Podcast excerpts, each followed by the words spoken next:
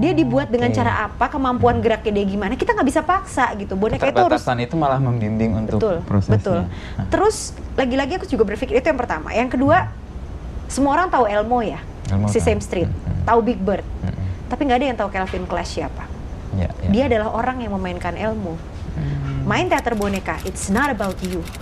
It's about the- you are self selfless. Kita tuh aku dan teman-teman di Peppermoon merasa kami belajar untuk menanggalkan diri. Hmm. Ini semua tentang bonekanya, ini semua tentang ceritanya gitu.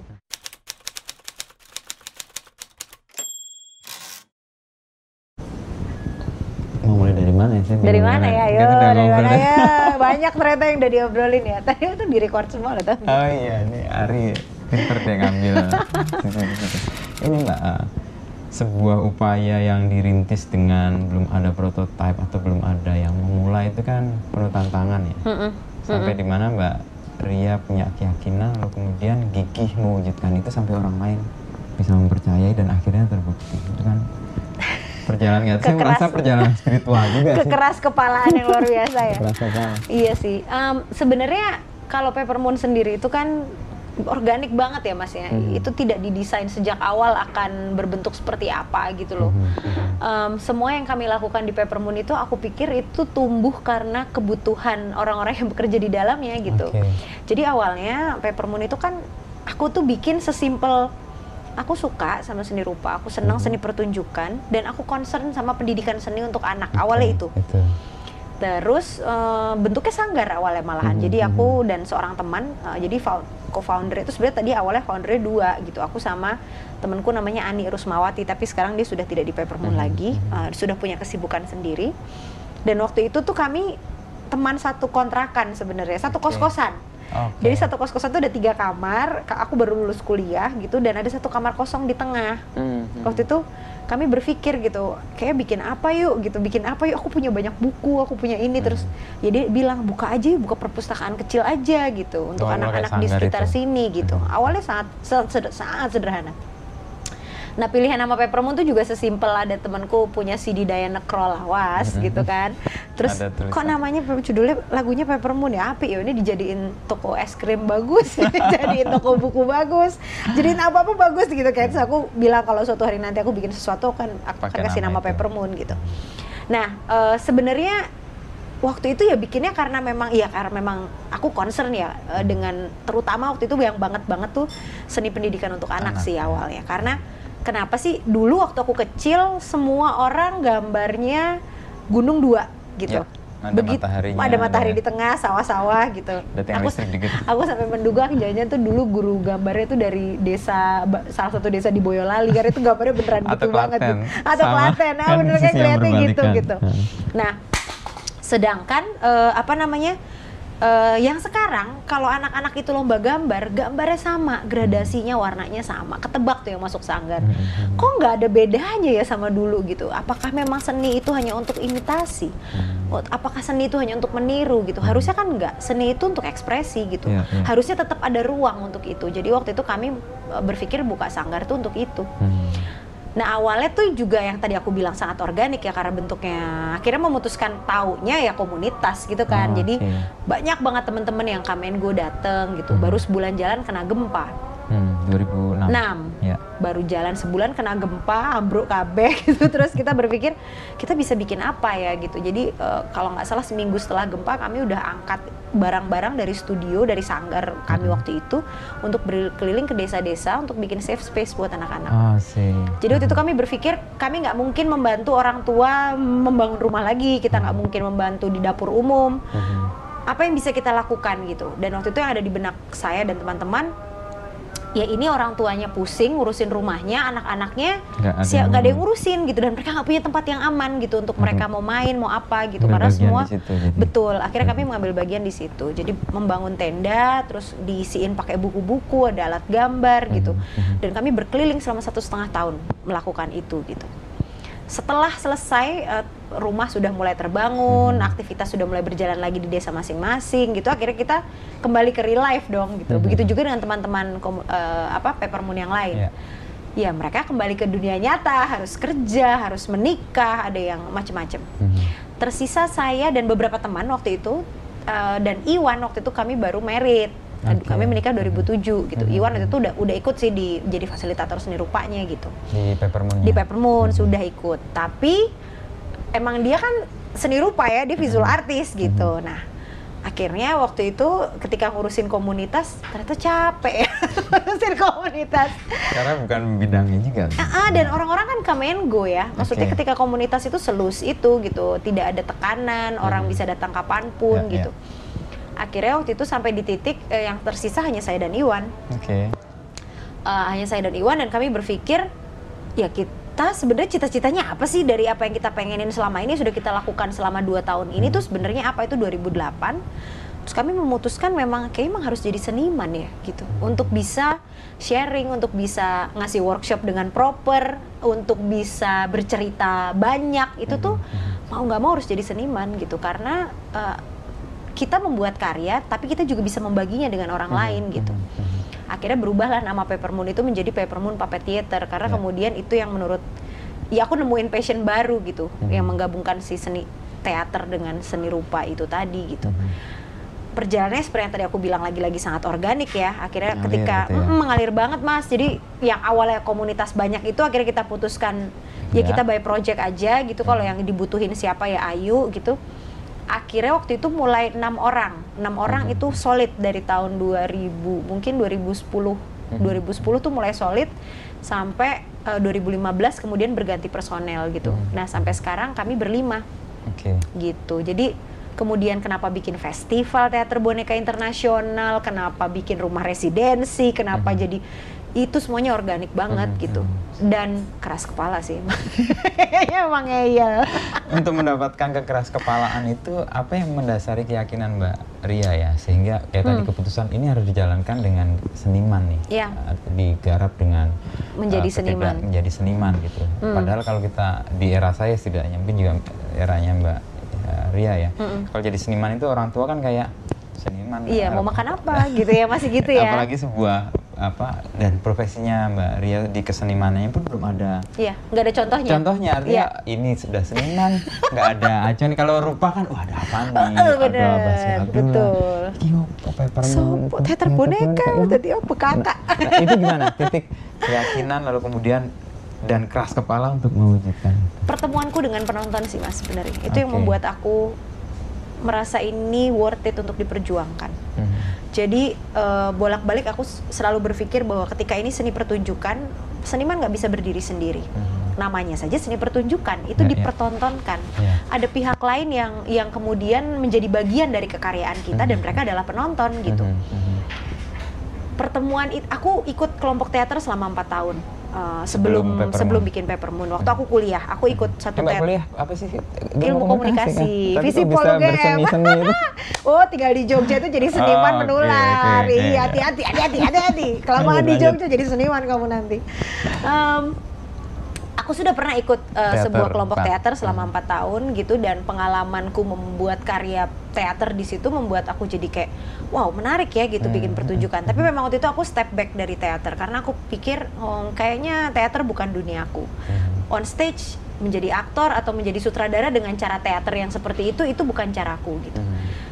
menemukan format teater boneka ini nih ini magical sih kalau buat aku Mhm, ya mas ya mhm. ini mungkin ini orang bilang passion ya Mhm. tapi ketika aku menemukan aku belajar banyak banget mengenal diriku sendiri sebenarnya Oh, penemuannya dan pengenalan diri betul di situ. betul di jadi kayak ini. misalnya gini em, kalau di teater ya aku membandingkan cara orang menyutradarai itu kan sutradara adalah orang yang paling tahu gambaran Oke, atas semuanya semua. ya Mhm. jadi kamu begini kamu begini kamu harus begini aktingmu Mhm. begini caramu begini gitu Mhm. di teater boneka itu sama sekali tidak terjadi kenapa karena kita semua ngikutin bonekanya. Bonekanya bisa apa? Oh, dia dibuat dengan oke. cara apa? Kemampuan geraknya dia gimana? Kita nggak bisa paksa gitu. Boneka itu harus itu malah membimbing untuk betul prosesnya. betul. Nah, terus lagi-lagi aku juga berpikir itu yang pertama. Yang kedua semua orang tahu Elmo ya? Elmo si tahu. Same Street. Mm-mm. tahu Big Bird? Mm-mm. tapi nggak ada yang tahu Kelvin Clash siapa. Ya, ya. dia adalah orang yang memainkan Elmo. Hmm. main teater boneka it's not about you.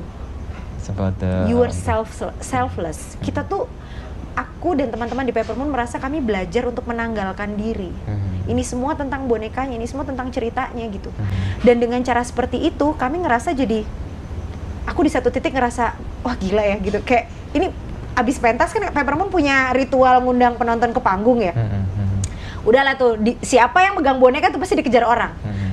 Geser bonekanya, ya orang itu akan ngejar boneka itu Iya, kayak iya, iya. "Wah, gila ini enak banget sih kayak gini nih gitu. Jadi bukan tentang keakuan gitu loh mas. Dan itu yang aku pikir ini yang membuatku jatuh cinta berkali-kali dengan dengan medium ini gitu.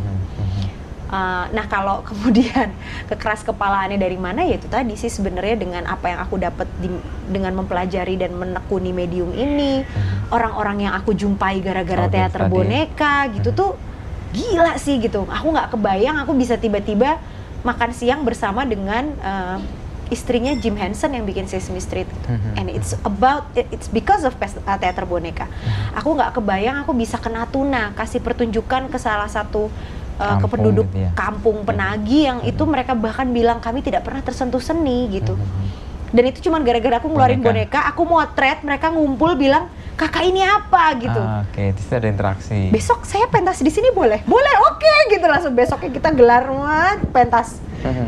Gitu. Aku pikir itu peluang-peluang yang aku nggak aku akan aku ngerasa aku mendapatkannya karena teater boneka gitu. Hmm, hmm. banyak perjalanan banyak pertemuan eh, ketemu sama para penyintas 65 gitu Ya, ya, yang cerita-cerita Betul. masa lalu yang Kami luar- pernah juga bikin workshop untuk penyintas eh, GAM Aceh dan Mhm, juga Papua, konflik Papua itu lewat teater boneka gitu. Mhm. Maksudnya ini ini medium yang orang tadi pandang mungkin sebelah mata ya. Ya, ya. Atau sangat Atau nggak sederhana. malah. Iya betul betul. Belum Atau ada. oh, oh teater boneka. Oh iya yang buat dongeng-dongeng di sekolah itu ya gitu. Eh, bukan. Hmm. Tapi juga di satu titik kami merasa gini. Semakin kami dianggap sepele, kami semakin Semakin senang di satu ya. titik. Karena kami punya keleluasaan. Hmm. dan ada kesempatan untuk kemudian ingin membuktikan atau ingin menunjukkan ya nggak perlu membuktikan lah tapi menunjukkan gitu Eh, karena ketika kita udah di wah iya iya iya wah wah wah gitu malah bahaya tuh wah wah hati-hati berarti. ya, ntar jangan-jangan begitu ketemu langsung jebol mau ini Ada ternyata mantranya tuh si Farid itu menyebut berbahagialah kalian disepelekan Nah, karena iya, iya, punya kesempatan untuk mengejutkan. Iya, iya, ya. betul sekali, betul itu sekali. punya ruang. Heeh. Dalam perjalanan panjang itu titik-titik mana Mbak Ria kan dari 2000 habis gempa ya 2000, ya. 2006, Mm-mm. terus kemudian ada titik di mana terkumpul lagi akhirnya Iya. berdua dengan Mas Iwan Mm-mm. lalu merancang bahwa ini seniman Betul. dikerjakan dengan cara-cara seniman Mm-mm. lalu sampai sekarang titik-titik mana yang membuat Mbak Ria tuh yakin ini jalanku deh dan harus diperjuangkan dengan sungguh-sungguh apalagi relasi dengan penontonnya begitu kuat ya kalau saya Iya. lihat dan itu kayak memberi energi ya Iya, betul Hmm, banget Mas, hmm. betul banget. Titik-titik mana tuh sebenarnya titiknya harian ya kayaknya kalau buat Harian kami ya, ya. Itu nggak ada Peppermoon, aku nggak ngerasa punya peak-peak gitu kayaknya Oke. enggak ya. Maksudnya memang ada beberapa beberapa proses yang membuat kami belajar lebih matang gitu. Mhm. Ada dulu bahkan ketika sebelum kami bikin eh, apa namanya itu kayaknya 2009 kalau nggak salah. Kami sempat diundang pentas ulang tahun anaknya Mbak Jini Park. Dia itu Jenny adalah direkturnya Padepokan Bagong Kusudiarjo. Mhm, mhm. Beliau menemani kami sudah sangat lama gitu, sangat percaya. Kami diundang nih ulang tahun anaknya gitu. Aduh pentasnya jelek banget mas. Dan itu kenapa? Karena timnya, timnya Peppermoon itu menganggap itu sepele. Ah, Akan sih. cuman pentas buat anak-anak. Di titik itu aku ngerasa langsung ini nggak bisa begini. Ini nggak bisa cuman bentuknya komunitas gitu. Ini nggak bisa itu titik terbesar. Mhm. Kegagalan hari itu Itu adalah pijakan. pecutan paling besar. Jadi Mbak Jini tuh setiap kali sekarang nonton pertunjukan. Peppermoon dia bilang gila ya Ria, aku tuh masih inget betul bagaimana kamu merasa gagal di pertunjukan Ulang hari tahun itu, anaknya. ulang tahun anaknya gitu. Dan ternyata kamu di titik ini ya sekarang gitu. Hmm. Nah dan itu terjadi apa yang Peppermoon dapat hari ini itu karena kami pernah mengalami itu, itu. gitu. Terus ya banyak lah masih ya kayak ketemu apa terus dianggap gimana ah, udah itu udah kata Justru pengalaman gitu buruk itu malah bener men- menghadirkan bener betul ya. terus kayak nggak mungkin lah dia keterima tuh eh, touring eh, ke Amerika gitu Mhm. ternyata kami yang Ya. terpilih Nah, bareng itu- sama itu Jogja Hip kan Hop gitu Sering diulas di banyak kisah ya tentang Mbak Ria sama Mas Iwan residensi di New York dan Ya, itu kan betul. kayak menemukan reborn sih itu kayaknya. Jadi sebenarnya lebih karena ini sih. Jadi emang tahun 2009 2010 tuh 6 bulan aku sama Iwan tuh dapat grant untuk Mhm. residensi Asian Cultural Council di Mhm. New York City Ya, ya, gitu. ya. Nah, yang jadi menarik sebenarnya di saat itu Peppermoon tuh justru malah lagi itu baru mulai banget kan, Mhm. kayak baru tiga tahun umurnya, karyanya belum terlalu banyak. Sedangkan yang sering apply ke ke residensi itu itu tuh seniman-seniman senior gitu. Dan mereka sampai hah? Ria keterima gimana ceritanya. Wah, wah banyak banget mas yang aku denger suara Sumbang ya? sumbang sumir Atau dan fales ya? dan kok bisa sih? Nggak percaya sebenarnya kok Iya, bisa gitu. Nah aku juga sebenarnya sampai hari ini masih Kok masih aku ya? bingung. Kenapa kita keterima ya gitu? Tapi memang betul sih. Maksudnya umurku waktu itu 25 atau 25 tahun. Pokoknya masih sangat oh no no no. 27 aku waktu itu. Tujuh. jadi mungkin mereka juga melihat ada banyak kesempatan di depan yang kalau kamu berangkatnya sekarang Ada ruang yang ah, panjang itu ya? ke depan tuh kamu mau ngapa-ngapain masih banyak tuh masih penasaranmu masih banyak gitu Eh, sebenarnya yang, yang terjadi selama kami sebelum kami melakukan perjalanan itu eh, kami kan kalau ngobrolin tentang seni itu selalu sama teman-teman lintas disiplin Mhm, mhm. anak-anak teater, anak-anak Ya. seni rupa, anak-anak tari gitu, anak-anak musik.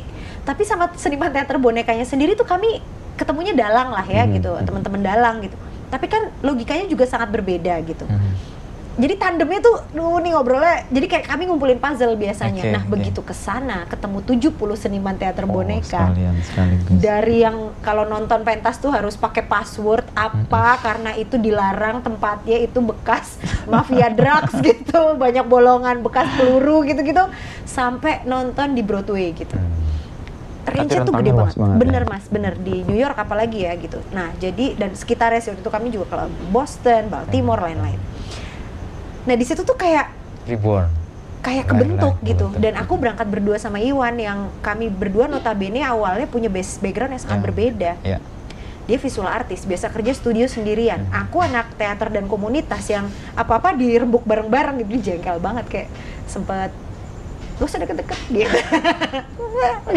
Tapi di situ malah dapat pemahaman yang sama ya di Banget, waktu yang Mas. bersamaan lalu kemudian kami mengalami sesuatu. banyak hal, mendiskusikannya setiap hari Hmm. dan gak ada orang lain. Jadi udah nggak punya Intens. pilihan, nggak punya pilihan.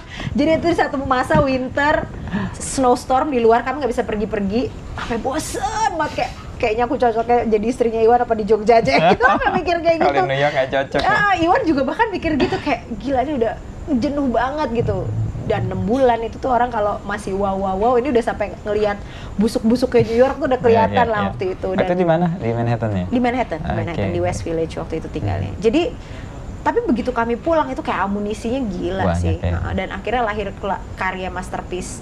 Kami kami bisa bilang itu sebenarnya titik awal or kami menancapkan diri bilang bahwa ini Peppermoon Puppet Theater. Apa tuh yang Muatirika. Ah, Matirika. yang ngomong tentang apa tuh? 65 Bahasa Swahili. Swahili. Ah, ya. ah. Ngomong tentang 65 tapi dengan cara yang sangat uh, Lain. umum sebenarnya, metaforik, nonverbal pertama kali. Itu, nomor berapa pertama ya? sebenarnya udah pernah nyoba karena dari 2008 kami ngerasa pernah tuh bikin satu pertunjukan full um, skripnya tuh full verbal gitu Mhm. realis banget terus begitu selesai pentas aku baru sadar ini apa bedanya sama teater realis ya karena bonekanya dipaksa ngomong gitu Itu pasti beda ya. beda banget mas dan aku pikir ini bukan bahasa ibu dari bonekanya gitu Hmm. ini bahasanya pemain gitu Ya, ya. makanya di 2009 kami mulai nyoba-nyoba tuh Nonverbal. nonverbal nonverbal tapi masih ragu-ragu Hmm. gitu 2010 tuh kayak udahlah Full. ini tahu nih caranya gini gitu Dan itu malah lebih luas diterima publik kan tanpa terbatas oleh Iya, bahasa. betul dan juga eh, memberikan ruang yang luas untuk publik membangun cerita mereka sendiri Ah, oke. itu yang jadi menarik itu kenapa Jadi karya-karya imajinasi publik disertakan ya, dilibatkan. itu yang membuat bagaimana eh, aku pikir ya ini aku pikir ini dugaan sih ya sebenarnya kenapa banyak penonton merasa eh, memiliki cerita itu Hmm. karena sebenarnya kami membuka seluas-luasnya mereka mau Sampai ngisiin ikut pakai memori mereka yang Ah, mana oke, gitu kan oke. jadi ketika ngelihat eh, Puno misalnya karya kami yang terakhir live terakhir di Indonesia Puno Letters to the Sky itu Hmm. itu kan cerita tentang seorang anak kecil yang kehilangan orang tuanya eh, meninggal dunia gitu dan dia menghadapi bagaimana dia ngerasa sendirian gitu tapi juga di titik lain bahwa orang tuanya juga ngerasa gila gue udah nggak bisa aku udah nggak bisa megang anakku lagi gitu Mhm, mhm.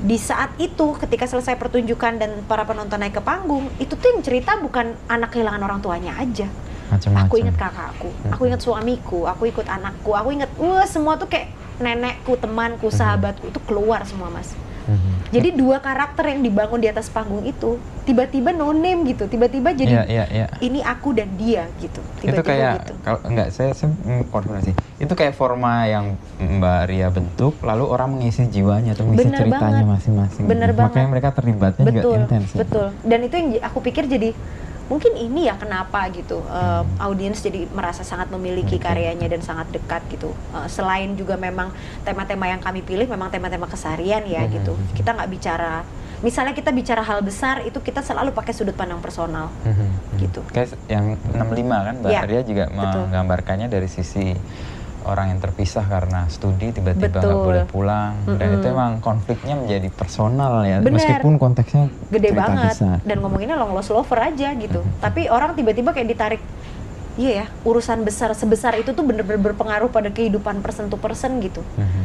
dan orang-orang jadi punya empati besar dengan itu gitu kan karena justru ketika ngelihat contohnya udah person by person Iya, iya, iya. gitu itu sih yang jadi mudah menarik. di Ya, relate. sama orang ya. Betul, Oh, betul. relevan. Mm-mm. itu kisah nyata atau kisah nyata kalau Nyata. secangkir kopi dari playa Mhm, itu yang ada di ADC iya ya? kebetulan eh, aku itu itu disamperin sama Mbak Mira sama Mas Riri aku bilang satu-satunya cerita cinta yang kami punya ini tragis banget Tapi kan sebenarnya kayak endingnya cinta sama Rangga. Iya ya, yang sebenarnya ya, kan, benar, benar, terpisah, terpisah. karena studi dan sebagainya. Tapi ada alasan politiknya, ya tipis sih. tipis, tetapi yang tipis, ini betul, kuat betul, sih betul. yang ini. Tapi si secangkir kopi dari playa ini perjalanannya menurutku waneh banget sih mas. Mhm. Itu kayak kami kayak dikirim sama semesta untuk menghadirkan cinta untuk itu. menghadirkan cerita ini dan untuk membuat kedua long lost lover ini menerima dengan cara mereka itu gila sih. Mhm. Karena si ibu si perempuan. perempuannya itu juga nonton. Dia Hmm. menonton salah satu pertunjukan kami di Jakarta.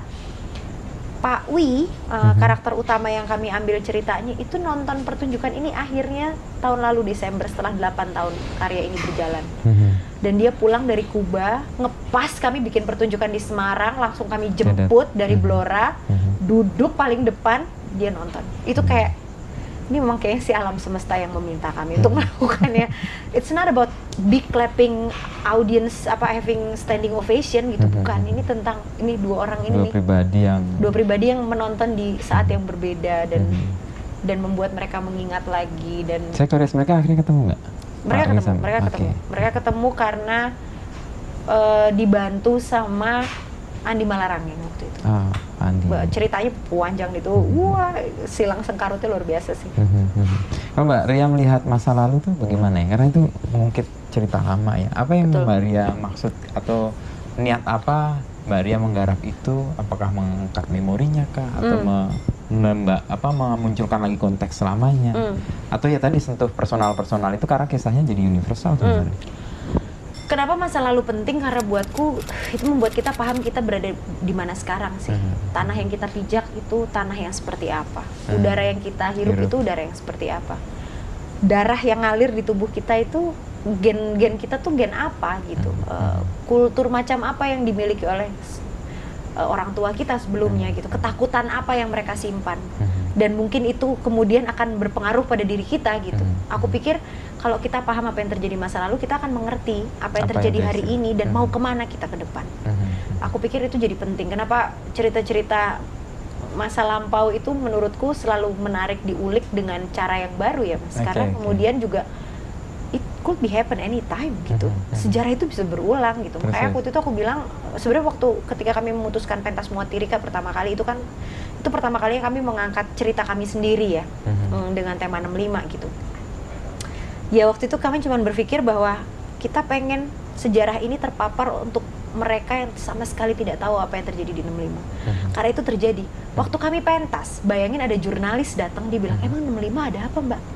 Ganyang Sampai Malaysia. itu. Serius. Sampai kayak dan dia masih sangat muda dan aku Oke. bilang, "Ya, ini juga nggak salah." Ya, sejarah orang memang tua tidak diajarkan dengan Betul. tepat ya. Uh, di bahkan di sekolah juga udah mulai dihapus kan Mhm. pelan-pelan gitu. Jadi orang tua kalau nggak membicarakan itu juga anaknya mau tahu gimana coba Ya, kan ya. gitu kan mas. Jadi aku pikir ini jadi wah menarik ya. Hmm, Dan supaya nggak terlekat ke masa lalu dan ya itu jadi peristiwa yang tadi ini ada di darah kita, Betul. ada di tanah yang kita pijak, Betul. ada di udara yang kita hirup. betul. Gimana Mbak Ria me- melempatkan masa lalu itu? Ya aku pikir sebenarnya aku tuh awalnya kan memang bukan anak yang cukup concern dengan tema-tema politik meskipun Mhm. aku anak sarjana ilmu politik. Iya. Kenapa? Papaku tentara. Oke. papaku tentara dan nggak usah deh macem-macem gitu Hmm. mikir-mikir kayak gitu mikir hal lain di luar Politik. tampuk kekuasaan apalagi doi orde baru kan gitu nggak usah mikir yang lain tidak ada warna lain selain ini gitu kan aku dari kecil begitu aku ketemu Iwan eh, yang eyangnya di penjara 13 tahun karena dianggap eh, tergabung dalam partai komunis gitu pertemuan ini kan luar biasa ya. Kayak misalnya satu anak tentara dan satu- yang cucu yang bertentangan, dan ya. dan kami bertemu di generasi kedua berarti Iya, kan iya, setelah anak dan cucu nih kemudian gitu, mhm. ketemu nih. Ya aku pikir ada hal yang memang harus diselesaikan di generasi tertentu Persis. gitu. Iya, iya. Eh, papa mamaku nggak bisa menyelesaikan itu gitu. Mungkin ya nggak apa-apa.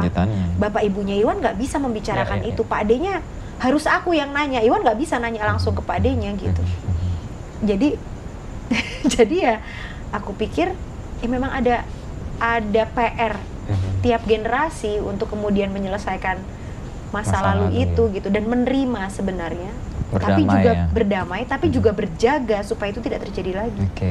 karena kita sama-sama tahu nih nggak ada yang nggak ada yang benar nggak ada yang maksudnya Susah untuk memastikan susah untuk mana memastikan betul ini versinya yang mana gitu Persis, ya. Eh, kenapa itu bisa terjadi juga karena mu- mungkin ada pemantiknya juga gitu jadi itu kompleks banget lah Mhm, nah mhm.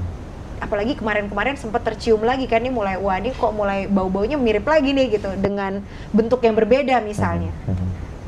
tapi kita menjawab situasi dengan cara apa ya gitu Mhm, mhm. akhirnya kami bikin satu karya baru gitu waktu itu yang judulnya Siwa Malini the the Ya. White World of Siwa Malini gitu yang di mana di pertunjukan itu semua penonton harus pakai baju putih Hmm. boleh pakai warna lain gitu karena itu kami menemukan ada kecenderungan itu akan terjadi lagi sempat akan terjadi lagi Hmm. jadi waktu itu kami berpikir nggak ini harus dijawab lagi nih karena kita udah pernah nih yang dulu jangan sampai Kasanya. lupa nih kejadian lagi males banget gitu Mhm, kan sebenarnya mhm. Ya, Itu sih, proses sejarah yang kemudian diselesaikan oleh generasi selanjutnya berikutnya. heeh, benar. Karena aku pikir juga painful ya untuk generasi sebelumnya untuk menyelesaikan saat Iya, itu iya. juga aku pikir itu pasti sangat menyakitkan sih gitu. Tugas generasi berikutnya yang iya dan pelan-pelan diselesaikan pelan-pelan dengan Mhm. caranya sendiri gitulah maksudnya. Dan kayaknya semesta Itu emang memungkinkan untuk pertemuan-pertemuan yang iya tadi itu. bener banget bener banget. Ya, kayak, kayak kami ketemu Pak Wi itu gila. Itu aku sampai masih merinding dia ngetok pintu rumahku mas Mhm. datang dan aku bertemu sama dia pertama kalinya tuh di rumah ini loh Hmm. karena dia datang dari Kuba memang dia khusus mau ketemu seorang anak muda sekelompok anak muda yang dia tidak kenal sebelumnya Mengisahkan. yang mengangkat ceritanya gitu dan dia bilang it means a lot gitu Mhm. karena eh, waktu kami kirim DVD ke beliau ke Kuba dia minta DVD juga dikirim ke ayahnya ayahnya waktu itu ulang tahun ke 100 jadi itu Oh. hadiah ulang tahun buat ayahnya Mhm. Ayahnya nonton selang dua minggu setelah menonton ayahnya meninggal. Mhm. terus Pak Wi bilang akhirnya bapak bisa lihat bahwa apa yang terjadi pada keluarga kami adalah sebuah kebanggaan. Itu kan. Oh, ya ampun. Dua minggu kemudian dia kayak selesai ya udah cukup gitu. Mhm. karena bapak juga maksudnya keluarga itu benar-benar hancur lempur gitu. Iya, karena mereka tidak punya penerus lagi gitu nggak ada. Jadi generasinya terputus gitu kan terpahami sih Gitu Sampai kan, jadi maksudnya ngetok lalu kayak ini siapa ya Iya, gitu iya, kan iya. ini anak muda kenal aja enggak Ikut nemu merinding ya. itu nemunya aja di internet ceritanya mas Iya, iya. Kalau Mbak Ria sendiri dapat kisahnya itu di, dari- internet. Iya, maksudnya Itu, oh, tulisan siapa? pertama atau- gini wah itu ceritanya menarik banget Jadi aku sampai berpikir ini prosesnya di dibikin karya lagi sebenarnya menarik banget jadi waktu kami bikin eh, 2008 kami sempat ngulik karya 65 juga eh, cerita tentang 65 juga sebenarnya kami ke eh, IRB ilmu religi dan budaya ketemu Mhm. Mas Tri namanya salah satu dosen di sana profesor di sana terus dia cerita Ri sebenarnya tuh ada satu cerita nih aku pernah baca di mana ya tapi dia juga lupa IRB Sanata Dharma. Iya betul. Oke. Uh, jadi ada bapak-bapak, dia itu adalah dulu tuh dikirim sama Soekarno ke Uni Soviet kalau nggak salah. Pokoknya dia pokoknya informasi nggak ada yang jelas gitu. Hmm. Terus dia memutuskan intinya dia meninggalkan uh, tunangannya, terus kemudian dia berangkat. Ketika dia harusnya pulang, kejadian dong 65 gitu Sehingga tragedi, tidak- tentu saja dia cut segala macam dia nggak bisa pulang. Tapi sampai hari ini tuh dia masih pegang tuh janji tuh dia nggak mau dia nggak nikah sama orang lain gitu. Terus tahu nggak sih pada pas zaman Gus Dur dia pulang ke Indonesia, masa dia naik bis yang sama trayeknya di Jakarta dari dengan bis yang dulu mereka sering pakai Pakai. berdua lah gitu kalau pacaran gitu. Hmm, hmm. berharap kalau itu ibu ada di dalam bis itu kan ya selama tiga bulan mas dia melakukan itu tiap sore. Itu kan ini orang kok masih hidup ada orang kayak begini tuh gimana? Tapi namanya siapa mas? Ya nggak inget aku gitu. Artikelnya baca di mana? Ya nggak inget aku pokoknya Ah. semuanya nggak inget. Terus riset. udah nih 2009 Itu 11 2008. itu 2008 2011 ketika wah nih kayak harus bikin sini karya ini nih. Aku nyimpen kan aku anaknya gitu. Jadi kalau ketemu ada apa terus tak simpen Oke, gitu. oke. ntar celengannya dibuka pas tahun berapa gitu kan. Oh kita bikin nih eh kita bikin gitu. Terus ini cari datanya dari mana ya? In the name of the almighty Google. Ketemulah itu pelan-pelan. mahasiswa nggak bisa pulang. Apa pokoknya Oke. keywords random. Nemu empat artikel semuanya mengacu dengan nama Widodo Suwarjo. Ah, ceritanya sih. persis. Mhm. jadi wah itu panjang. Terus aku bilang aku terus nyari kan ini kok cuma empat ini? Nah salah satu email eh, salah satu artikel itu mencantumkan alamat email beliau. Hmm. jadi sebenarnya artikel itu menuliskan bahwa kalau ada yang kenal namanya Mbak Si- Widari ini tolong saya Kontak dikasih kabar. Oke. ini email saya gitu. Mhm. wow gitu kan. Terus akhirnya aku ngontak beliau dan menanyakan Ya, apakah dapat izin nih kalau kalau Dikisahkan. nulis eh, kalau menceritakan ini dengan bentuk teater boneka. Itu kan absurd banget kan ha? teater boneka gitu. Tapi beliau tak kasih linknya ke Muatirika juga. Jadi dia tahu bahwa kami memang concern di tema itu apa. gitu. Nah bapak sempat nggak jawab email lama karena koneksi di Kuba juga lucu gitu kan. Terus aku berusaha cari tahu nih sebenarnya nulis artikel ini siapa ya? Ketemu. ternyata tuh nama pena jadi nggak ada nemu di Ah, Facebook. Nggak ada di oke, mana nggak ada. Sampai itu juga aneh banget mas. Nemu satu blog yang menyebutkan bahwa nama itu adalah namaku gitu si orang ini menyebutkan nama aslinya Mhm. di di blog itu Iya, iya. dan dia adalah kakak angkatanku di UGM Sabuter ternyata kakak angkatan. jadi dia Satu jurnalisnya jurusan juga? Eh, iya dan dia Hmm. kakak kelasku Hmm. Eh, dan aku pernah kerja bareng dia Jurnalis apa? Eh, dulu dia jurnalis SBY ternyata. Jadi Ah. kenapa dia bisa ketemu Pak Wi? Karena dia waktu itu Pernah ikut ke Kuba? timnya ke Kuba, Saya timnya di tahu nih. Malarangeng. Nenden. Mbak Nenden. Ah, Betul kita banget. terkoneksi ternyata. Iya. Saya aku langsung kontak dia, Mbak, kamu yang nulis artikel ini. Iya, aku. Merinding aku. Gila kan, Mas? Ah, kita hidup di Gila, orang yang iya. sama ternyata. saya nyaris ke Kuba waktu itu. Masa? Cuman saya nggak waktu itu nggak pergi. Pas itu di era era saya tugas di istana itu. Iya persis. Jadi dia oleh-olehin aku kalender Ya eh, Che Guevara sama Kuba masih tak simpen itu ya nenden itu. Dia itu di jadi gara-garanya Pak Si Andi Nenden. Malarangeng duduk satu meja sama Pak Wi. Hmm. Pak Wi kan sudah jadi warga Exile negara ya kehormatan sana. kan, dia Hmm. exile. Zamannya siapa eh, Gus Dur dia kemudian dapat visa untuk pulang memang Oke. gitu. Karena karena Gus Dur kan melakukan banyak rekonsiliasi ya. Terus ditanyain sama Pak Andi gitu, bapak keluarganya di sini juga? "Oh, saya tidak berkeluarga. Kenapa gitu? Ah ceritanya cerita. panjang ya, Nenden gitu. Akhirnya dia Pak Andi Malarangeng menyuruh Mbak Nenden, kamu malam ini harus ketemu Hmm, sisa. Hmm. ketemu Pak Wi. Ceri, gali ceritanya dan kita tulis kita cari di mana si ibu itu Oke. gitu. Gitu terus Aduh. gila kan? Iya, terus Ternyata nenden. Mbak Nenden orangnya. Terus Ya, ya. 2013 kalau nggak salah em, karya itu apa 2012 karya itu kami pentaskan di Goethe Institute di Jakarta. Bu Widari datang nonton Ah, di kursi terdepan itu kayak yang wah ini another aku waktu itu kami kan selalu bikin magic circle ya sebelum Hmm, pentas ya hmm. dan kami waktu itu aku ingat sekali aku bilang sama teman-teman Hmm. ini mungkin emang kita di emang kita tuh disuruh sih sama semesta nih Untuk untuk nyampein itu, apa yang Pak Wi belum pernah bisa sampaikan karena memang mereka akhirnya ketemu tapi itu keluarga besar jadi Hmm. ibu bersama is- suaminya ada keluarganya Pak Wi sendiri. Pak Wi sama keluarganya juga jadi udah ketemunya kayak hai. Ada yang nggak terkatakan tetapi nggak ya bisa. nggak bisa ngomong kan mas? Nggak saya bisa. mendapati kisah yang kurang lebih sama waktu saya ke Ceko, Hmm, ke Praha. kayak banyak mas ya Iya, iya. cerita-cerita kayak gitu saya ada keluarga yang ya kurang lebih kayak gini, Iya. tapi mungkin kalau di dalam digali lebih dalam mungkin juga ada kisah-kisah ceritanya yang pasti mm, mm, mm, kayak kayak gitu. gila sih. Tapi bahwa perjalanan sebuah karya bisa ketemu relung-relung pribadi ini yang Iya, aku amazed banget. Dan itu yang menyentuh pribadi-pribadi lain. kan. betul betul saya betul percaya deh kalau karya dikerjakan dengan hati akan hati lain yang tersentuh. dan Dan itu nggak- punya. aku aku tuh menurutku ya mas ya karya tuh nggak bisa bohong proses tuh nggak bisa bohong Mhm. mau sebagus apa pun tampilan luarnya kalau prosesnya di belakang nggak beres Hmm. Itu akan tercerminkan. orang tuh pasti tetap akan tahu kok gitu loh akan kecium gitu Mhm. dan ya itu yang kami usahakan untuk tetap bisa beres proses dalam kan akhirnya Mhm. jaga timur itu yang nomor satu gitu satu titik nggak bisa Oh, Kak. saya jadi terjawab kenapa Andi Malarangnya yang mempertemukan itu karena dari proses awal menemukan kisah itu ada di situ. betul betul Tadi saya mau tanya tapi terus kok Andi Malarangeng gitu ya ternyata, dan salah bisa nebak. karena itu benar-benar wah mbak Nenden Nanti kalau ini saya kasih tahu deh. Saya dikasih kartu eh, pos, eh, Poster. kalender oh kalender. gitu Jadi perjalanan C dari dia ya awal lalu kemudian sama anaknya dan sebagainya itu masih aku simpan Ya sekarang itu dari. Nenden Tuh itu. kamu kalau berhasil jalan tuh nah kamu Ya, jadi mungkin aku ketemu sama perantara. Pawi gitu kamu malah. Lucu banget. Oke, oke Pak Awi. Lalu yang lain Mbak, ya. saya masih merinding tuh bayangin kita dapat kisah itu dan saya tercerah, oh.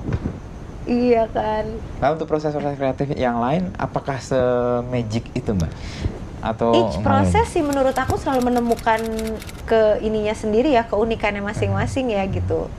Ada lagi uh, memang caranya berbeda, uh, magicalnya lain lah ya gitu. Uh, pertemuan-pertemuannya juga berbeda, tapi ada beberapa karya yang kayak aku tuh nempatin kayak sebenarnya setiap kali kami bikin karya baru tuh kayak kami nyiapin karena kami selalu berpikir ini harus jadi satu pertanyaan besar yang sedang dihadapi sekarang jadi itu Mhm. pasti energinya gede kan mas Iya, iya, ketika iya. kita berusaha mencari tahu dan berusaha memecahkan Iya, pertanyaan persoalan. itu gitu di itu kepala yang relevan kan sebenarnya di situ. benar benar Hmm. karena eh, pun kayak misalnya ada commission work kami akan selalu mencari cara gimana dari kom- dari dari tema ini tuh sebenarnya apa sih yang perlu kita gali gitu nah yang kayak gitu kayak gitu tuh perjalanannya luar biasa sih aku masih ingat em, jadi kayak misalnya Puno ya Puno Letters to the Sky itu kan sebenarnya juga karya sangat sederhana sebenarnya kita Hmm, ngomongin hmm. seorang anak yang di- Kehilangan kehilangan, orang tuanya gitu tapi sebenarnya tidak sederhana itu gitu Em, buat aku pribadi awalnya 2014 karya itu kami bikin ini kan udah dua dua versi Mhm.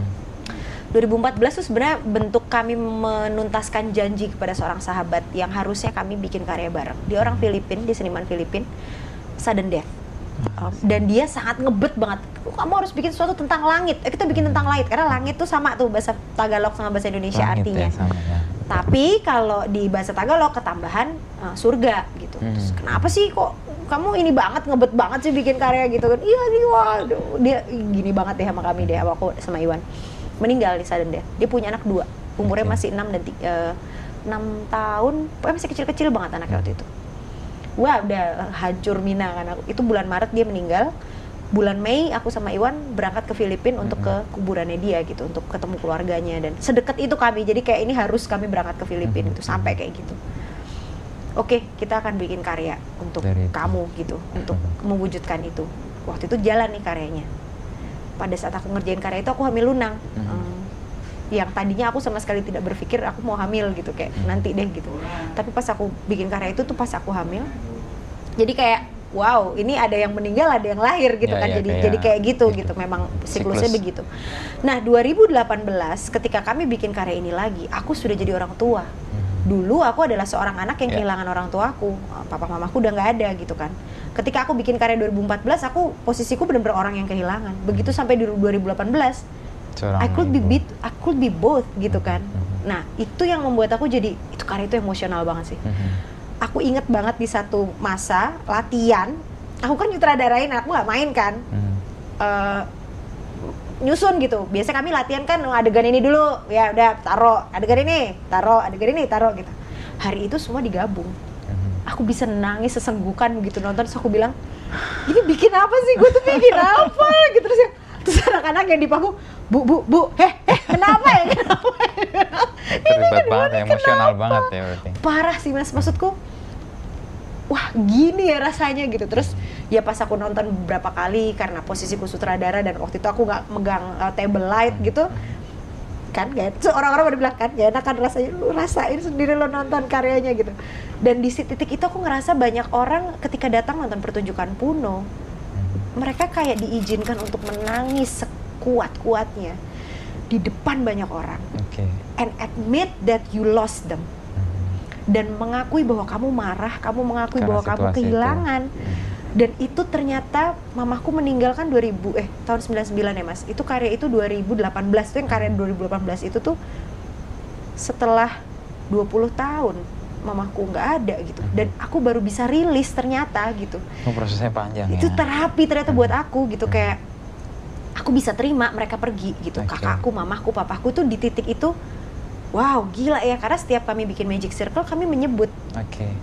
karya ini setiap pemain akan mempersembahkan karya ini buat siapa gitu. Dan hari ini kita mengundang lagi jiwa mereka untuk datang, Mhm. S- jiwa orang-orang karena oh ya di karya itu juga kami ini bikin beberapa bulan sebelum karya itu dipentasin, kami sebar di sosial media. Kalau kamu kangen, merindukan orang yang kamu cintai yang sudah meninggal dunia, kirimkan surat buat mereka lewat kami. Kami berjanji mengirimkannya ke langit. Mhm. Ratusan mas kami dapat surat. Oke. Dan itu kami rewrite, kami tulis ulang di ada satu Kertas. set kapal-kapal kertas itu yang digantung di ceiling uh, Mhm. teater ya. Dan di akhir semua turun, semua orang boleh datang dan membaca. Oke. Jadi di titik itu tuh kayak semua orang tuh sharing dan Iya, iya. banyak banget banyak kali Kebayang sih. aku ngelihat ada orang nggak kenal nih tadinya datang nih mbaknya datang sendiri yang ini datang sama pacarnya pas sama temennya gitu yang sebelah nangis sesenggukan ini orang nggak kenal tiba-tiba meluk Iya, iya, iya. Karena mungkin connect kayak aduh, gila Perasaannya. nih mbaknya gila nangisnya tuh kayak apa gitu bolak balik aku pas buat pentasnya penonton yang itu juga wow. kayak ini ya, kayak rilis buat mereka Banget. perasaan kehilangan. dan yang masih belum pernah mungkin ada banyak aku juga ngeliat anak sama orang tua. Karena kan eh, pertunjukan itu kami bikin bilangnya untuk anak usia 6 sampai 80 tahun. Anak dua-duanya anak tuh ya 80 juga anak tuh gitu. Sering banget aku ngeliat nih pairing gitu anak orang tua datang gitu anaknya lebih kecil gitu. Nanti di tengah-tengah pertunjukan tuh nempel tuh makin lama. Mhm. papahnya mulai gini Ya, mulai ya, meluk sampai selesai gak dilepas gitu berapa banyak sih karya yang bisa eh, dinikmati oleh keluarga dengan cara seperti ini Iya, gitu yang melibatkan seluruh emosi, Emosi apalagi dan- menyembuhkan tadi kan Iya, rilis.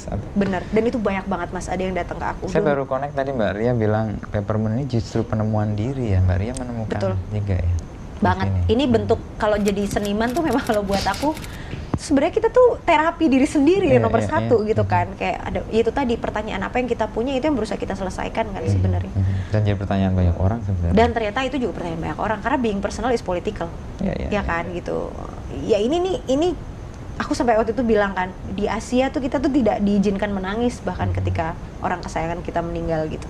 Udah sabar, Hmm. udah udah nggak apa-apa. Karena itu yang aku rasain. Jadi ternyata selama 20 tahun itu tuh aku nahan. Ketika Karena aku orang menghendaki kita betul, tidak kamu kuat, Hmm, kamu iya. pasti kuat dan itu yang Padahal dari- di los aja. harus ya udah nangis tuh kamu butuh nangis nangis meskipun nanti ya sudah selesai ya Hmm. tapi kamu sudah mengeluarkan kamu marah marah nggak apa-apa gitu Mhm. dia tuh jadi kayak terapi massal sih waktu itu kayak wah pula keluar matanya pada Iya, iya. mas kopi Dari poin-poin ini yang membuat Mbak Ria, tadi pertanyaan saya awal ini membuat Mbak Ria yakin di jalan ini dengan keras kepala ini akhirnya Betul. menemukan audiensnya dan audiensnya memberi energi juga. ya. banget mas karena aku pikir kalau nggak ada audiens kami kayaknya udah bubar dari kemarin kemarin sih karena ya buat apa what's the point of Iya, iya. um, sharing it kan karena ya mungkin karena karena aku anak komunikasi ya jadi aku ingin selalu memastikan bahwa sesuatu itu terjadi Pesannya dua arah ya, ya. dan dua arah jadi Eh, dua arah. mereka juga eh, kenapa kami selalu mengundang audiens ke panggung karena di titik itu kalau mereka mau komplain kalau mereka Langsung mau disampaikan. ngece mau mereka mau appreciate ya saat itu juga itu bisa mereka lakukan dan Gitu ya itu energi besar Mhm. gitu Nah, itu energi besar sih Mhm. gitu Soal peppermint sendiri, Mbak, kan melibatkan banyak orang ya. Hmm. Lalu ada orang yang kemudian pergi, datang Ya. dan sebagainya. Saya baca monokel tahun dua tahun lalu sih. Ada satu komunitas juga di Jepang kayak gitu. Tempat di kayak hub gitu ya. ya Ada senior artis di situ memungkinkan banyak junior-junior artis bergabung, tapi Hmm. setelah sekian lama junior itu malah diberi ruang kamu keluar deh. Hmm, meluaskan hmm. uh, sayapmu atau membuat Hmm. unit baru yang sesuai dengan bidangmu. Hmm. Tapi orang bisa kembali lagi ke situ untuk dapat energinya. Hmm. Ini kan saya lihat juga kayak di Peppermint kayak gitu ya. Hmm. Ada ulang di situ, Hmm, hmm, ada hmm. yang lain juga. Hmm. Uh, memaknai orang yang datang dan pergi dan membentuk Peppermint ini gimana? sebenarnya kalau kalau saya dan Iwan sih dari awal selalu berpikir bahwa ya kami mau melakukan ini sampai mati gitu Oke. aja gitu dan sampai saat ini sebenarnya tim kami lima orang yang sekarang bertahan jadi aku Iwan eh, Anton, Anton. Fajri Mhm. Benny Sanjaya sama Pambu Priyojati Anton sama Benny itu udah 12 tahun di Pepper Wow. dari mereka yang tadinya masuk ke Peppermoon sama-sama kita nggak tahu nih. Mau jadi apa umurnya Peppermoon aja ngalir. 14 ya mas. Mereka tahu 12. masuk di tahun kedua gitu. Itu kita nggak tahu nih mau jadi apa Peppermoon nggak ada bayangin tur mancanegara dari Hong Kong. Nggak ada gitu kan. Bener-bener yang mereka datang justru pada saat kami sedang mencari tahu kita mau ngapain gitu. Dan mereka yang sebenarnya juga membentuk Peppermoon sampai hari ini. Jadi Peppermoon itu perjalanan si Benny dan dan Anton ini emang wah luar biasa sih gitu. Mhm, mhm. Uh, dan melihat melihat teman-teman ini bertumbuh dan berkembang, berkeluarga, punya Hmm. rumah dari apa yang dilakukan Dan setiap hari. ini dan kemudian terbukti ya. Bener dan Hmm. kami tuh kan 9 to 9 to 9 itu kerjaannya cuman ini ya, nggak Iya, ada yang iya. lain gitu. Ya kecuali Iwan sih kalau dia visual artist gitu. Sama sepedaan. Sama sepedaan gitu. Eh, saya sama tanaman. Oh, gitu. Tapi Pambo, Pambo yang eh, member terakhir yang masuk, Hmm. dia lima tahun terakhir kerja Oke, bareng oke. sama kami dan dan itu juga jebakan Batman ya sebenarnya buat dia gitu. Kayak wow ternyata lanjut. Oh lagi. Oh mau lagi. Oh mau lagi. Terus terus terus gitu. Mm. nah untuk teman-teman ini aku pikir juga ya ya tentu saja semua orang punya hak untuk berkembang gitu. Mhm. saya sih saya pribadi selalu punya eh, pegangan satu mas. Mhm. orang yang bekerja di Peppermoon harus bahagia. Oke. kalau dia tidak bahagia atau dia ingin mencari kebahagiaan lain silahkan. Mhm. karena setiap orang itu berhak bahagia. Nggak ada yang nggak akan ada yang gu- gujengi nggak ada yang akan megangin kamu. Mhm. nggak nggak nggak nggak. Kamu Oke. yang paling tahu gimana caranya bikin hidupmu bahagia. Kalau di sini bisa bikin hidupmu bahagia ayo. Fine, ayo Mhm. tapi kalau enggak jangan pilih kami. Mhm. jangan pilih tempat ini. Mungkin memang nggak cocok gitu. yang lain. mungkin kebahagiaanmu ada di sana tuh jadi koki misalnya atau kamu jadi apa gitu. Nah jadi itu yang bolak-balik kami selalu ingatkan ke teman-teman dan Oke. itu yang membuat saya selalu memastikan Mhm. semua level tim ya. Eh, Peppermoon kan cuma lima ini nih semua orang nih melakukan mulai dari ngosek WC sampai pentas ya orangnya sama ini orangnya gitu. Kami nggak punya OB, kami nggak punya Ya, tukang ya, kebun gitu ya. Udah ini semua orang melakukan hal yang sama. Tapi begitu kami bikin festival misalnya atau kami bikin apa gitu yang project yang memang membutuhkan banyak orang. Banyak terlibat orang ya. Betul, eh, kami akhirnya kan outsourcing ya istilahnya, Ya, ya, gitu, tapi ya. berkolaborasi juga Hmm. dengan banyak orang. Nah di titik itu juga itu yang tetap kami pegang gitu. Hmm. Ya mereka harus happy. Kalau Oke. mereka nggak happy nggak usah. Gitu. Iya iya iya. Karena kan pasti akan tercermin sih di karyanya. Iya benar benar dan aduh ngapain sih capek-capek ngabisin waktu tapi kamu nggak bahagia gitu loh nggak usah nggak usah nggak usah Udah. udah uh, take your time gitu Tersiksa jadinya Ah, ah, ya. dan kan yang kasihan juga yang lain kan gitu jadi loss aja gitu Iya. jadi memang itu sebenarnya sebenarnya cara itu cukup lumayan berhasil buat kami akhirnya menentukan siapa yang, yang akhirnya bergabung. cocok bekerja sama gitu Hmm. karena ya landasannya cuma kebahagiaan aja kok Iya. gitu Itu persis sih kalau di saya di jurnalistik ya Mm-mm. menjadikan itu pijakan. Kalau kamu nggak gembira dengan profesi ini, please coba cari profesi lain. betul betul jangan Karena kalau nggak gembira, hasilnya pasti juga membuat kamu kayak bekerja secara terpaksa. Bener, dan it waste your time. Persis. Gitu buat apa kan ngabisin waktu umur kita tuh nggak panjang loh gitu. Nggak panjang-panjang amat ya. Mm-mm, nggak panjang-panjang amat. Jadi udah eh, bahagia tuh diusahakan deh. gitu. Tapi seni lumayan agak panjang sih Amin. daripada hidup. Amin. Itu amin. amin. seniman-seniman Iya, untuk bener, menghibur bener. diri katanya. Untuk menghibur diri benar-benar. amin kalau itu. Tapi dalam perjalanan ini Mbak Mbak Ria ada ketakutan nggak atau kecemasan karena pasti kan ada perubahan, pasti ada audiens yang berganti. Lalu deal dengan itu gimana? Apakah mengubah atau melakukan? Aku tuh sempet aku sama Iwan sempet ini kalau sampai suatu hari teater boneka dilarang pentas di Indonesia apa yang bakal kita lakukan ya Oh, sampai sejauh itu berpikir. iyalah Mhm. pindah negara kali Di mana audiens menerima ya. karena Iya kami percaya dengan medium ini. Medium ini kuat. Medium ini bisa bicara dengan banyak orang dari berbagai lapisan, eh, berbagai latar belakang, berbagai Bahasa, bahasa, tanpa usia, bahasa ya. eh, latar belakang apa pun ya, pendidikan, ekonomi itu tuh bener-bener blend sekali. Nggak ada yang medium ini teater boneka tuh buat kami tuh sangat inklusi mas gitu. Ya kayak tadi aku bilang ya, dia bisa dipentaskan di gedung pertunjukan yang wow, atau di pinggir kampung. atau ya itu tadi aku bikin di. Penagi di kampung kampung nelayan itu dan mereka semua happy ngelihatnya gitu dan kalau sampai itu dilarang itu masalah besar gitu buat kami Itu satu ketakutan. kayaknya itu ketakutan terbesar kami Oke. itu ketika eh, negara tidak mendukung kebebasan berbicara. Itu kayak kebebasan itu ketakutan terbesar sebenarnya. Kebebasan berekspresi mungkin karena ke iya betul kan sekali. nggak Eh, ngomong bener banget. Ya bener banget.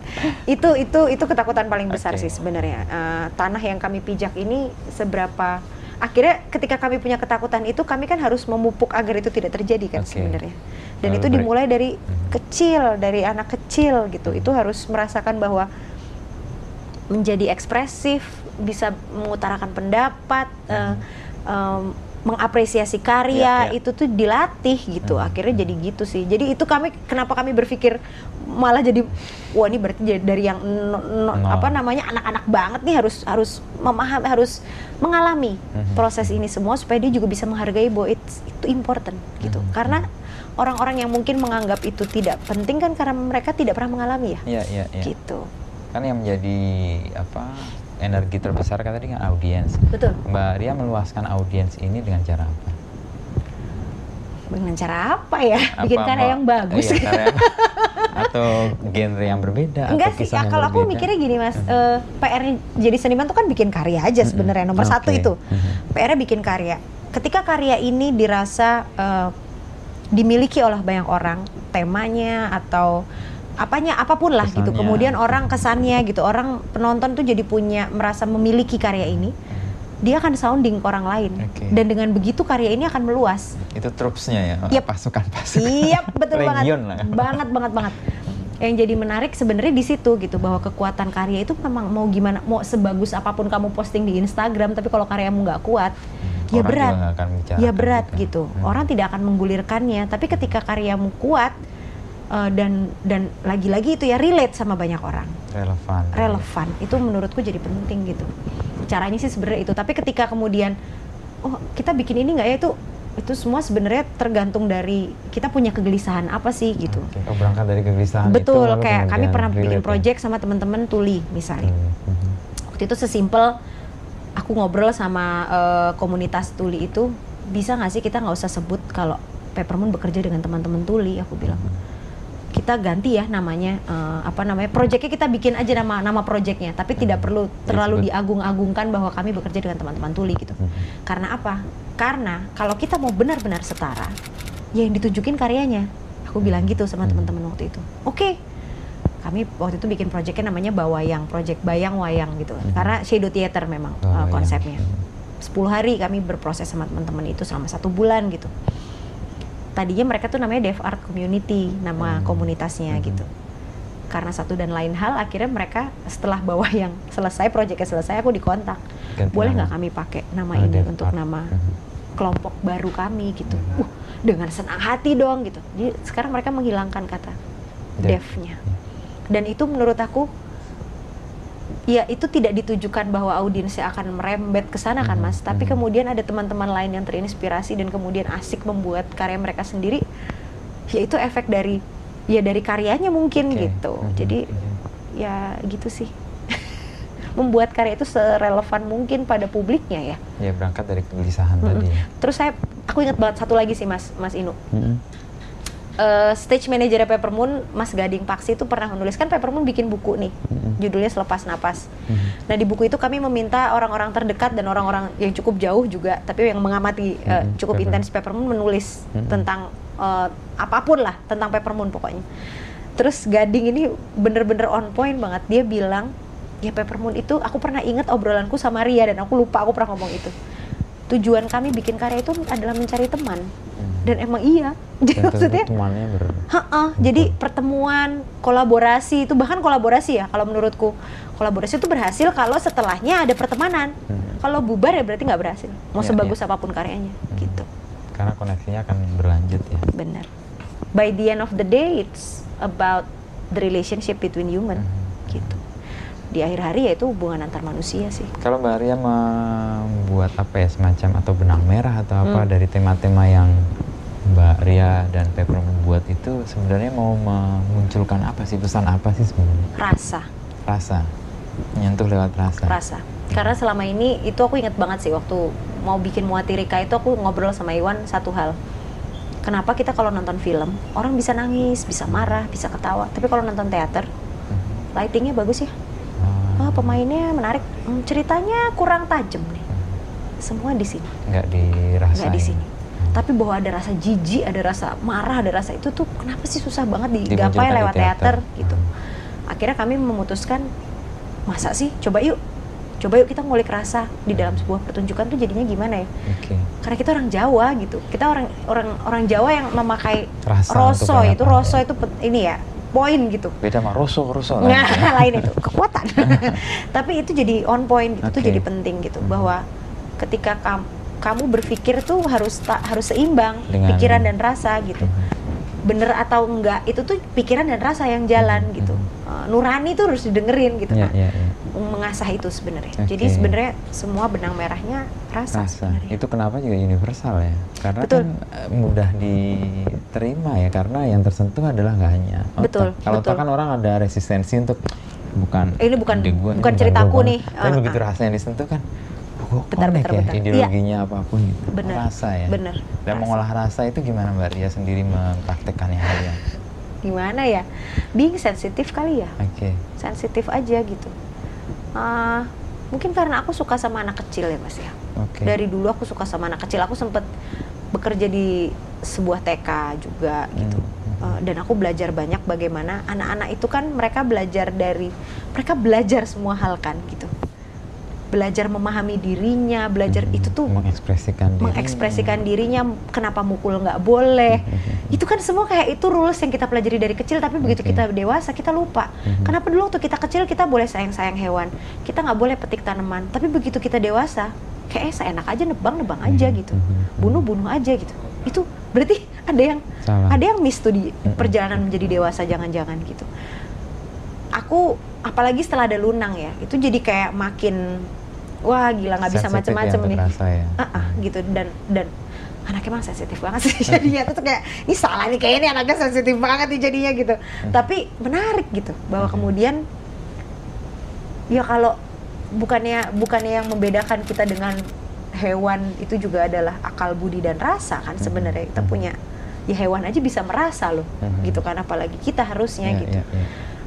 ya gitu sih mas. Maksudnya mungkin aku sekarang me, me- apa mempraktekannya lewat dengan keseharian. Mhm. sebagai teman bekerja di Peppermoon, sebagai istri, sebagai ibu, sebagai pecinta tanaman, sebagai teman gitu. Oke. Ya nyoba itu aja. Dan situ biasanya ketemu sih mengolah kegelisahannya jadi mudah ya karena sensitif kan. Iya. Kenapa nih perasaan ini muncul? Kenapa Betul, ini kekhawatiran betul. ini datang? Mm-mm. Apakah ini juga mewakili audiens saya? Itu kemudian jadi Mm-mm. bagian yang Ulang alik aja terus prosesnya gitu. Aku nggak pernah nonton. Kami nggak punya TV di rumah ini juga Iya, kan. iya. Jadi dong. menyaksikan, maksudnya eh, mungkin juga dengan menyibukkan diri dengan melakukan gitu tuh juga jadi banyak ya, lebih sense-nya ya. ya. Oke. Sense-nya tuh yang kerja semua gitu. Iya, iya. kayak bercocok tanam aku suka nanem gitu misalnya itu kan sense fisiknya Iya, kerja semua Itu praktek-praktek berkesadaran. betul Menyentuh. Bersepeda. Loh. Ah, itu bersepeda. Ah, ini pembenaran kali doi ini. kalau itu doi Tapi sih benar itu. iya iya benar Buat saya sendiri juga itu kesempatan untuk merasakan semua secara total Mm-mm, kan. benar benar benar Dan kita dengan badan kita Mm-mm. dengan dan sendiri itu penting juga sih iya benar Nah, itu juga diperlukan untuk memberi Sesekali. ruang kita untuk Mm-mm. menemukan tadi Untuk berhenti Ria sebentar. dalam perjalanan itu kan akhirnya teater atau berkesenian ini akhirnya penemuan diri sendiri juga. Mm-mm, mm-mm. Jadi membentuk dan akhirnya menemukan. gitu Top deh, keren. Tapi kita terkoneksi dengan Nenden ya. Iya, Aku nggak menyangka loh, ini baru tahu. mbak Nenden memang Iya, aku lama. aku kaget sih mas waktu Hah, bentar-bentar ini Nenden Nenden bener Nenden kakak kelasku yang dulu aku pernah kerja di studio keramiknya dia itu Nah, oh dia di studio keramik dulu dia sempat bekerja dengan seorang seniman keramik Mhm. terus aku daftar mau belajar bikin keramik tadinya ketemu sama Mbak Tari itu Endang Lestari namanya Mhm. Uh, terus malah ditawarin kerja Iya. terus ya Aku sama suaminya kenal deket. ya gitu Victor. oh gitu Dulu dia wartawan di istana juga. Pak Wi s- ini banget connected banget sama Mbak Nenden Mhm. ya karena gara-gara tulisannya dia Iya, kan iya, iya. terus kayak bergulir gitu. Dia bisa Jadi- ketemu bisa apa gitu kan gara-gara Iya, itu. semesta memilih hal-hal yang nggak kita duga ya untuk connect ini semua. aku Nenden tuh nonton pentasnya tuh setelah eh, bareng nggak ya sama Bu Idari oh nggak nggak. Dia nggak barengan sama Bu Idari Mhm. tapi dia nonton di saat yang bersamaan di sesi apa di session yang sama gitu di season yang sama. Terus ya gitu dia. Wah gini ya Ri, ternyata jadinya gitu Kalau Mbak Ria kan menjalani semua ngalir ya. Mm-mm. Lalu bagaimana Mbak Ria punya planning ya untuk itu?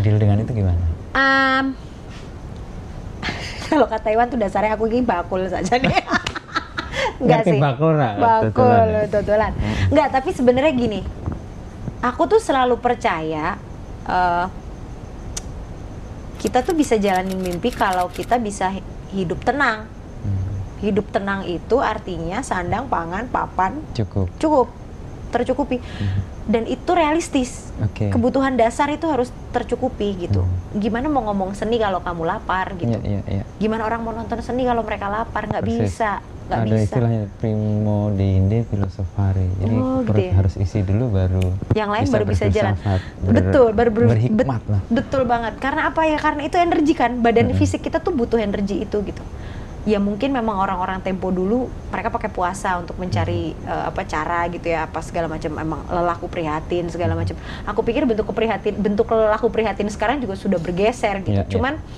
di satu titik makanya juga kami memastikan bahwa tim kenapa timnya kecil Mhm.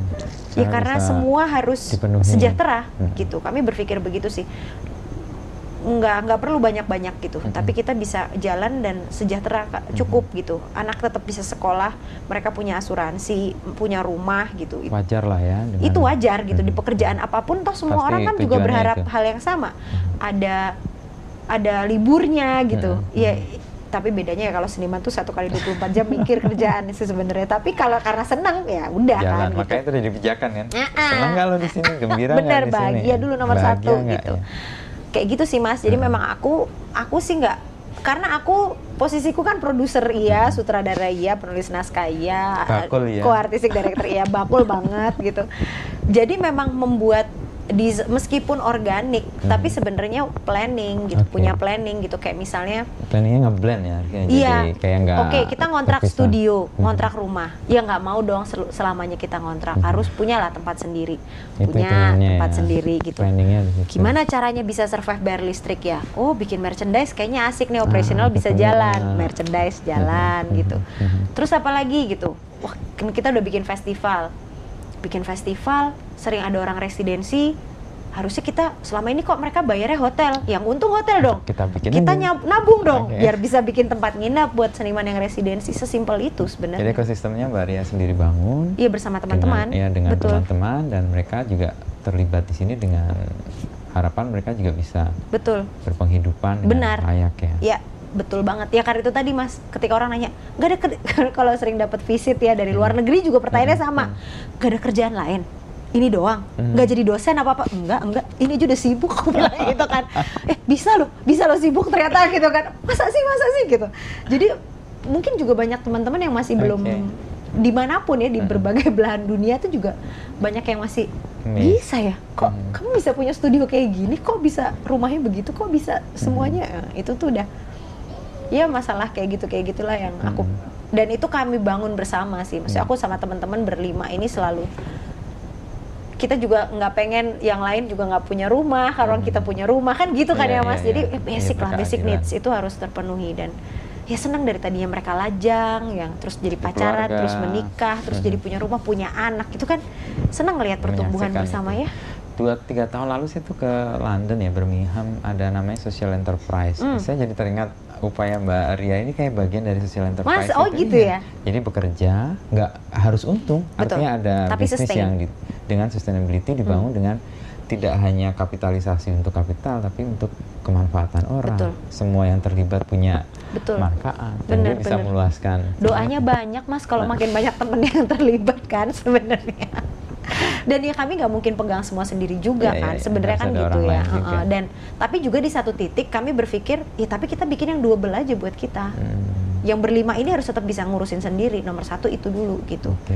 nggak usah hire hire orang dulu nggak nggak no no nggak perlu nggak perlu gitu cuma nanti kalau misalnya kita lagi pergi di sini ada yang residensi ya ada temen dari kelompok teater boneka yang lain yang bantuin ngurusin misalnya Oke. jadi Hmm. relasi relationshipnya jalan terus gitu Hmm, Dan itu kayak support system juga ya. Mm-mm, betul Mbak Ria. betul Jadi saya kalau tadi Mbak Ria ngomong ini ngalir aja sebenarnya nggak ngalir aja loh. Iya By sih. the design itu ya mungkin tidak terpisah ini planning ini rencana Mm-mm. tapi semua itu nggak ada tar maksudnya nggak ada target kayak Mhm. "Wah, berapa tahun lagi harus begini sebenarnya sih nggak ada cuman kayak punya museum kayak asik gitu kayak oh bikin Malah ini kayak kan, gitu iya, gitu iya. jadi kayak kayaknya punya museum asik terus Malah begitu terbeban ya. Mm-mm. Tapi kemarin begitu kita nyoba studio visit, kayaknya nggak perlu punya museum deh. Nanti kita tekor. Biar orang museumnya gini aja live living museum. Oh iya bener-bener bener nggak jadi gitu. Jadi gitu-gitu gitu. Jadi munculnya karena keluar masuk keluar masuk. dan juga karena perjalanan ya mas. Kami karena kami cuma timnya kecil, perjalanannya kan intens dan Iya, iya. bersama. Semua mengalami bersama. Itu yang membentuk juga ya. Pengetahuannya keinginan. sama. Iya, jadi iya. itu yang asik. Jadi teman-teman jadi punya proyeksinya juga kita sama-sama bangun bareng. Saya bayangkan malah berlima ini nggak ngobrol udah tahu mau bikin apa aja. banget itu kayak aneh banget sih kadang-kadang Iya, iya. showcase gitu mendadak nget set set gitu udah jadi ya Cek cek cek gitu. Ha-ha, terus pengen nonton latihannya berapa lama Nggak enggak. Eh, tapi udah 12 tahun sih barengan Iya, gitu iya, kan iya, jadi iya. oh ya udah gitu Jadi bonekanya hadir di kalian berlima itu jadi Mm-mm, mm-mm. terkoneksi dan menjadi Bang. ambil peran masing-masing. udah kayak udah ap- apal gitu udah kayak tahu gitu oh ini megang ini ini ini berarti ini begini gitu udah yang udah blend Mhm. Dan itu juga sama pekerjaan sehari-hari juga begitu Hmm. Kami kayak udah sama-sama tahu gitu oh Ria ya kerjaannya udah di depan laptop udah nggak usah diurusin lah gitu yang lain taking care of the rest gitu jadi kayak memastikan eh, peralatan studio iya, iya. eksperimen gitu terjadi di teman-teman Jangan kalau berlima di jejer di foto mungkin ada kemiripan. Katanya orang hidup mungkin berlama dalam itu ada kan tuh fotonya mirip nggak ya kira-kira pengalaman bersama yang dijalani bersama itu membentuk senyum yang sama, mungkin raut ya. muka yang sama, mungkin mungkin yang sih. sama. Konyolnya sama sih tapi Makanya nyebelin kalau orang- orangnya. Orang lima ini nyebelin. Kalau ber- kalau lama menikah kan kok kalian mirip, Mirip, ya? Pak. Ya, Sebenarnya itu karena ya, pengalaman hidupnya mimicking sama. kali loh Iya, mas. iya. iya bener ya kan lucu ya menjalani sesuatu senyumnya sama kalau sedih nangisnya sama. Iya, kalau benar-benar. minum airnya sama. Kalau makan nasi bungkusnya juga sama. oh bener bener bener bener. Kadang-kadang juga bertanya kok orang tua saya mirip ya padahal awal nikah kayaknya nggak mirip Beda juga mukanya. Oh, ya? karena itu juga Iya sih, lucu tuh. Ya gitu sih balik ke masalah sustainability gitu ya. Ya banyak teman-teman juga kayak bingung gitu. Berarti kamu kayak ngantor dok loh ya iya iya memang gitu. Udah punya studio masa kalau nggak ditempatin itu salahnya siapa Iya, kan? iya, iya. Berarti teman-teman tuh biasa datang jam 10 sampai jam 5 gitu di studio. Ada makan siang, kami catering gitu. Mhm. Dia tuh benar-benar kayak kok seniman tapi gayanya ngantor gitu. Iya iyalah. tapi justru membuat itu yang sustain kan Dan sehat, oke sehat sehat buat kami karena fair juga ya Betul, pulang ya sudah teman-teman bisa istirahat gitu, nggak berlarut-larut. Jadi Oke, ada justru dengan jam waktu yang seperti itu semua bisa bisa jelas kan. Oke. Harus bagi waktu nganterin anak sekolah, ada yang apa, ada yang apa gitu waktu itu. Ya udah gitu, sama aja sama tukang bakso sama yang lain sama. tapi benar sih membagi waktu dengan tertib itu menjadi waktu menjadi lebih fair ya buat yang lain hanya orang-orang sibuk yang punya waktu luang ternyata kalau orang pengangguran malah nggak punya waktu Oh luang bener juga ya. Iya, kalau gitu kita ya. disibukkan diatur itu kita Ah, punya asik. waktu luang Libur ah gitu. Hmm. Susah sih nyari libur tapi sebenarnya apalagi sekarang ya ampun. Iya prosesnya kayak gitu. Iya, Bukan iya. hanya waktu libur ya, tapi mau liburnya mau ngapain? Iya bener, tidur. Oke Mbak Ria. Thank Ini you, ngobrol Mas. seru banget nih kalau mau Iya dilanjut masih bisa 2-3 panjang jam lagi kita, nanti kita bikin astaga. episode berikutnya. Sip. Tapi saya beberapa kali merinding tadi connect dengan orang-orang, dengan yang dekat kisah, ya. lalu dengan penemuan-penemuan diri yang Mbak Ria dapat dalam perjalanan berkarya dan kekeras kepalaannya yang ternyata Iya, patokannya ternyata sederhana. Lu bahagia nggak kerja di sini? Iya. Gembira nggak di sini? Kalau nggak gembira, please Ambil, tuh, ambil ya, yang lain. Karena berhak untuk bahagia. Mm-mm, bener. Thank you Mbak Ria, ini Makasih pencerahan Mas dan Inu, punya senang sekali ngobrol. berlama-lama untuk menemukan momen ini akhirnya ketemu juga. Gara-gara Pak Setelah sekian lama jadi teman Instagram ya. Eh, iya. Thank you, Mas. Makasih Mbak. Jangan kapok ngobrol. Ya, saya nanti kalau ke Jogja pasti punya Asik. tempat tujuan untuk datang ke untuk ngobrol paling. Sip, thank you Mas Inu. Ya.